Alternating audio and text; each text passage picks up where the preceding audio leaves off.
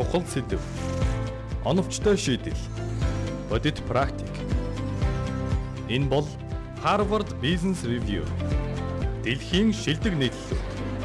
Бизнес радио 98.9 CMD консалтинг компани хамтран албан ёсны эрхтэйгээр таны сонорт нэвтрүүлгийн хамтрагч Reebok. Wonder Woman киноны жүжигчин Gal Gadot. Хэрвээ би өсвөр наснд байх үеийн өөртөө ямар нэг зөвлөгөө өгч чадах байсан бол өөртөө битгий их хатуурах, бүх зүйлийг үргэлж төгс байлгах гэж бүх хичээ. Алдхаас битгий аа, зоригтой, зоригтой байхад алдна гэж байхгүй. Мөрөөдөлтөй бай. Чи дэлхийг ч өөрчилж чадна. Ингэж л хэлэх байна. Reebok. Дөрөвдүгээр хороолол болон Хүннү молт. Сонсогч танд Harvard Business Review-гийн How to Craft an Agile Marketing Campaign буюу маркетингийн кампанид ажлыг agile аргачлалаар зохион байгуулах нийтлэлийг хүргэж байна. Уг нийтлэлийг Jason Demers 2015 онд нийтэлжээ. Танд Harvard Business Review нийтлэлийг хүргэх студид Бизнес радиогийн хөтлөгч инх мөнх IT Zone компани маркетингийн албаны дарга Ган Чимэгнэр ирээд байна. Бизнес радио 98.9 Harvard Business Review нэвтрүүлгийг эхэлж байна. Студид IT Zone компани маркетингийн албаны дарга Ган Чимэг хөтлөгч инх мөнх хамтаа танд энэ өдрийн мэндийг хүргэе. Сайн уу энэ өдрийн мэнд. За тэгэхээр өнөөдрийн нийтлэлийг хоёлаа танилцуулаад яриагаа эхлэе. Яагаад энэ нийтлэлийг сонгохолоо? За дийлэнх бизнес эрхлэгчид маань agile менежментийн тухай их сонссон байх. Энэхүү менежментийн шинэ аргачлал маань өмнө нь бол програм хангамж, систем хөгжүүлэлтийн функц дээр хөвчлэн ашиглагддаг байсан бол одоо хүний нөөц, санхүү маркетинг гээд бизнесийн бусад функцээр бүр цаашлаад компани тэр чигээрээ agile компани болох зэрэг ойлголтын хувьд өргөн цар хүрээтэй болж хөгжиж байгаа нэг сэдв байгаа. Тэгэхээр ялангуяа энэ маркетингийн салбар дээр энэхүү шинэ аргачлал маань илүү их ашиглагддаг болсонтой холбоотойгоор энэ удаа би энэ HBR-аас гаргасан гаргасан How to Craft Agile Marketing Campaign буюу маркетингийн компанид ажлыг agile аргачлаар хэрхэн зохион байгуулах вэ гэдэг нийтлэлийг сонгоо авч ярилцахаар ирсэн байгаа. Хоёлаа яриагаа нийтлийн тухай эхлүүлэхээс өмнө agile аргачлал, agile management гэдгээ тайлбарлавал. За тэгээ. Яг agile гэдэг маань одоо монгол хэлэл дээр бол одоо хурдам шаламгай гэсэн агуулгатай. А гэхдээ манай мэрэгчлэтнүүд маань бол энэ agile management гэдгээр нь шууд орчуулахгүй ашиглаад явдаг. Товчхондоо юу хийхээ явах замдаа сайжруулах гэсэн тийм зарчимд тулгуурласан тийм цогц менежментийн шинэ аргачлалт гэж ойлгож болно. 1990 онд анх бий болсон agile арга нь Уламжлалт аргуудтай харьцуулахад илүү олон ажил төслүүдийг амжилттай болгоход нөлөөснөөрөө хүмүүсийн анхаарлыг татаж эхэлсэн юм а. Түүнээс хойш гарсан ихэд хэдэн хөлбөрүүдийн ололттой талуудыг нэгтгэн 2001 онд аргачлалыг гаргасан төлөөлөгчид хамтран Agile тунхаглалыг бий болгосон байдаг. Тунхаглалаас хойш дэлхийд даяар Agile аргачлал хурдтайгаар тархсаар байна. Маркетингд Agile аргачлалыг оновчтой нэвтрүүлж чадвал компанид ажил хэрэгжих хугацааг хурдсгаж үйлчлүүлэгч болон ажилчдын сэтгэл халамжийг нэмэгдүүлэн бизнесийн шаардлагаас үүсэх өөрчлөлтөнд уян хатан хандах боломжийг бий болгодог байна. Харин эдгээр давуу талуудыг бий болгож уламжлалт аргачлалаас ижээл аргаж шилжихийн тулд байгууллагаас сахилга бат сайн байхаас гадна соёлын өөрчлөлт болон тууштай чанарыг мөн шаардна бидний сайн мэдих Facebook байна. Анх гарахтаа бол оюутнуудад зориулсан платформ байсан тий. Я одоо ямар болсон бэлээ? Agile аргачлал мань одоо хүртэл тухайн компани дотор ашиглагддаг. Хамгийн сүүлийн жишээ гэх юм бол нэг ажилтнаа лайк тавьж болох хангалтгүй байна. Хүмүүсийн хэрэглэгчдийн эмоцийг илэрхийлсэн нэмэлт товчууд биднэрт хэрэгтэй байна гэл дундаасаа санаа гаргаад тэрийг нь хийгээд хөгжүүлсэн баг жишээтэй тий. Мэдээж хэрэг тус аргачлал маань дангаараа бас менежментийн гол хэрэгсэл байх ёстой гэж бол шууд ойлгож болохгүй тэгж тулшрах хэрэггүй зах зээл үйл ажиллагааны онцлог тухайн ажлын онцлогоос хамаарат бас сонгож болох менежментийн аргачлалын нэг хөлбөр шүү гэдгээр нь ойлгох нь их зүйтэй хаа. Тэгээ мэрэгчлүүдийн хувьд бол альва нэг тийм тулгамдсан тий ботлнек гэж ярьдаг тий тулгамдсан асуудлыг шийдвэрлэх, шинэ инновац гаргах, шинэ бүтээгдэхүүн үйлчлэгээ гаргах, одоогийн үйлчлэгээгээ илүү хэрхэн сайжруулах вэ гэж зэрэг иймэрхүү юм таскууд дээр энэ хөө ижайл аргачлалыг ашиглах нь бол илүү тохиромжтой гэж зөвлөд юм билээ. Тэгвэл яг нийтлэл дээр юу гэж би тусгагдсан байна? Нийтлийн гол санаа. За маркетэрүүдийн хувьд бол альва компанид ажлыг хэрэглэгчийн судалгаан дээр тулгуурлаад маш тийм нарийн нэгт цогц байдлаа нь харж төлөвлөдөг. Мэдээж хэрэг том компанид ажлын хувьд компаниас маш хэмжээний төсөв мөнгө шаарддаг учраас энэ бол зайлшгүй үйл ажиллагаа. Гэхдээ өнөөдөр орчны өөрчлөлт маш хурдтай болсон тий.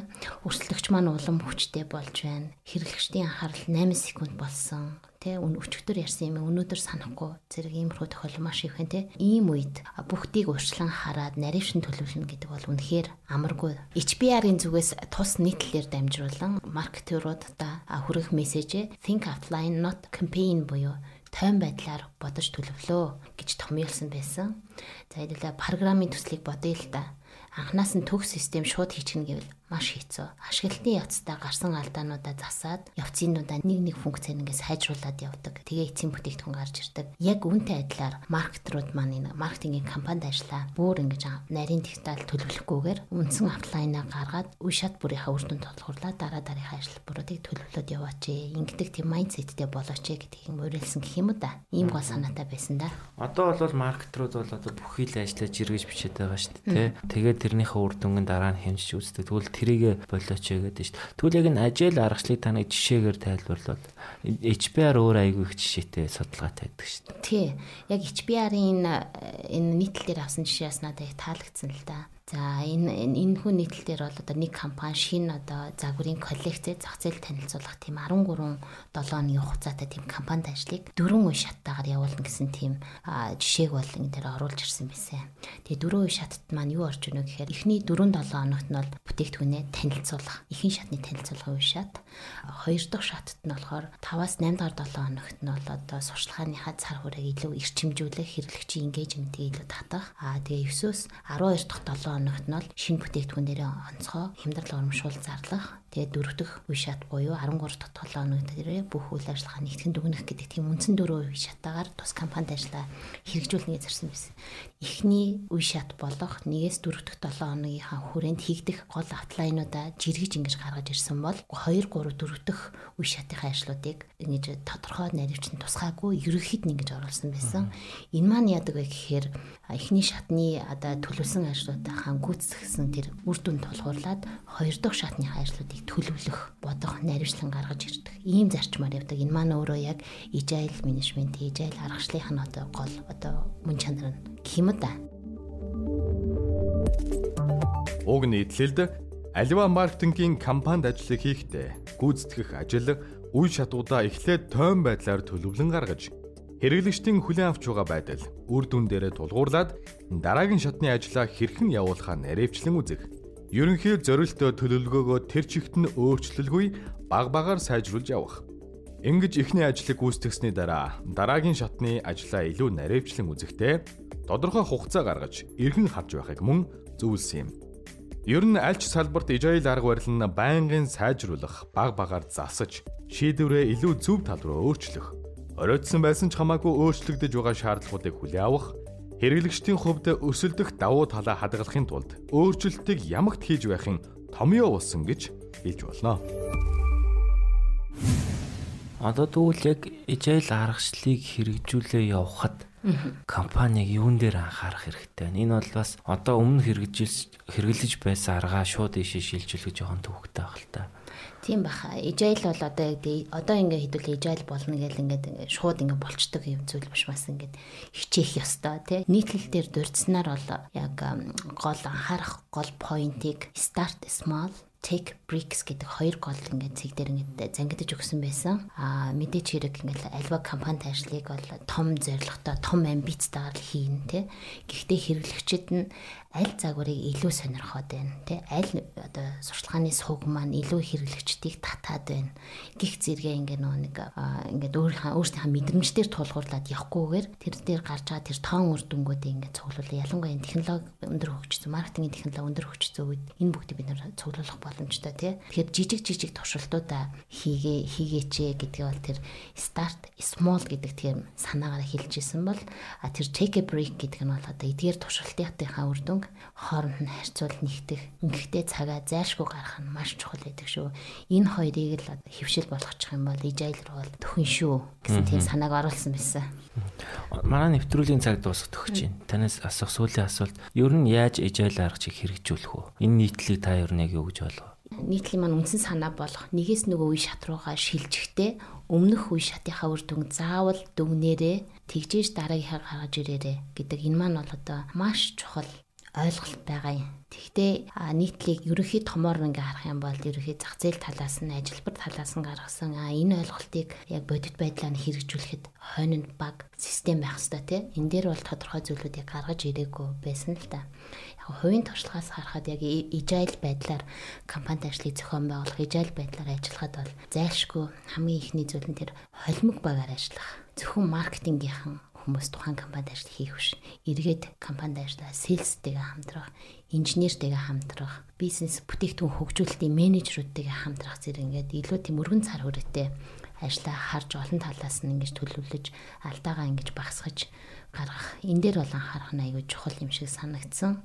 А өөр нэг гол зүйл нь бол одоо нөө зорилгоо нэгтгэх. Ингээ холимог багаар ажиллахаар чинь одоо функц болгоны зорилго харилцаа адилгүй өөр өөр болчин тий. Тэгэхээр энэ ажлынхаа үр дүнд хэдүүлээ ямар үр дүнд хүрэх юм бэ гэдгээ хамтдаа суучаад яриад за энүүгээр бид нар нийт борлуулалтаа тедэн болгоё.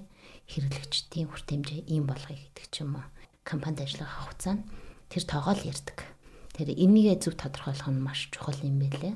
Тэгээ мэдээч хэрэгсүүл нь технологи аягүй чухал тий. Одоо энэ хэрэглэгчдийн хурж байгаа энэ хүртээмжүүдэд технологиор л хэмжихгүй бол гараараа манай маркетингийн менежерүүд маань ингээд бүгдийг нэмээд тасаа сууна гэдэг бол одоо асар их цагийг үргүү зарцуулна тий. Тэгэхээр тэм трекинг хийдэг технологио зөв сонгох Тэгээ эцэст нь мэдээж хэрэг компани тухайн компанид ажиллахаа хүрээнд сурсан зүйлүүдээ нэгэд нөгөөдөө ингэж өвлүүлж хилж үлдээх гэх юм уу та. Тийм тэр чухал юм уу? За баярлалаа. Сонсч та хүн бизнес ред 98.9 Harvard Business Review нэвтрүүлгийг хүлээн сонслоо. Өнөөдрийн дугаараар ажил аргачлалаар маркетингийн компанид ажлыг зохион байгуулах нь нийтлэг IT Zone компани маркетингийн албан дээр ганц юм хөрөглөө. Танд бол сонсогч нартай баярлалаа. За баярлалаа. Маркетингийн компанид ажлыг ижил аргачлалаар хийхийн гол давуу тал нь алдаа дутагдал эртэлэрч дараагийн ажилд энэ алдаа гарах боломжийг хязгаарладаг явдал юм. Ингэснээрээ уламжлалт хандлага дээр байдаг гол эрсдлүүдийг зайлуулж байна гэсэн үг. Хамгийн гол нь ижил хандлагын арга барилууд өөрчлөлтийг хүлээж авахд хизээд бэлэн уян хатан чанартай байдгаараа онцлог юм а. Нэвтрүүлгийн хамтрагч Reebok Дуучин Ариана Грант. Хүн байхын мөн чанар нь өөрийгөө байгаагаараа хүлээн зөвшөөрөх, өөрийгөө улам илүү хөгжүүлэх, өөрийгөө хөгжүүлэхэд хязгаар гэж байдаггүй. Таач бас яг одоо өөрийгөө хөгжүүл. Reebok. Дөрөвдүгээр хороолол болон Хүннү молт. Чухал сэдв. Оновчтой шийдэл. Бодит практик Энэ бол Harvard Business Review. Дэлхийн шилдэг нийтлэл. Бизнес радио 98.9 CND консалтинг компани хамтран албан ёсны эрхтэйгээр таны сонирт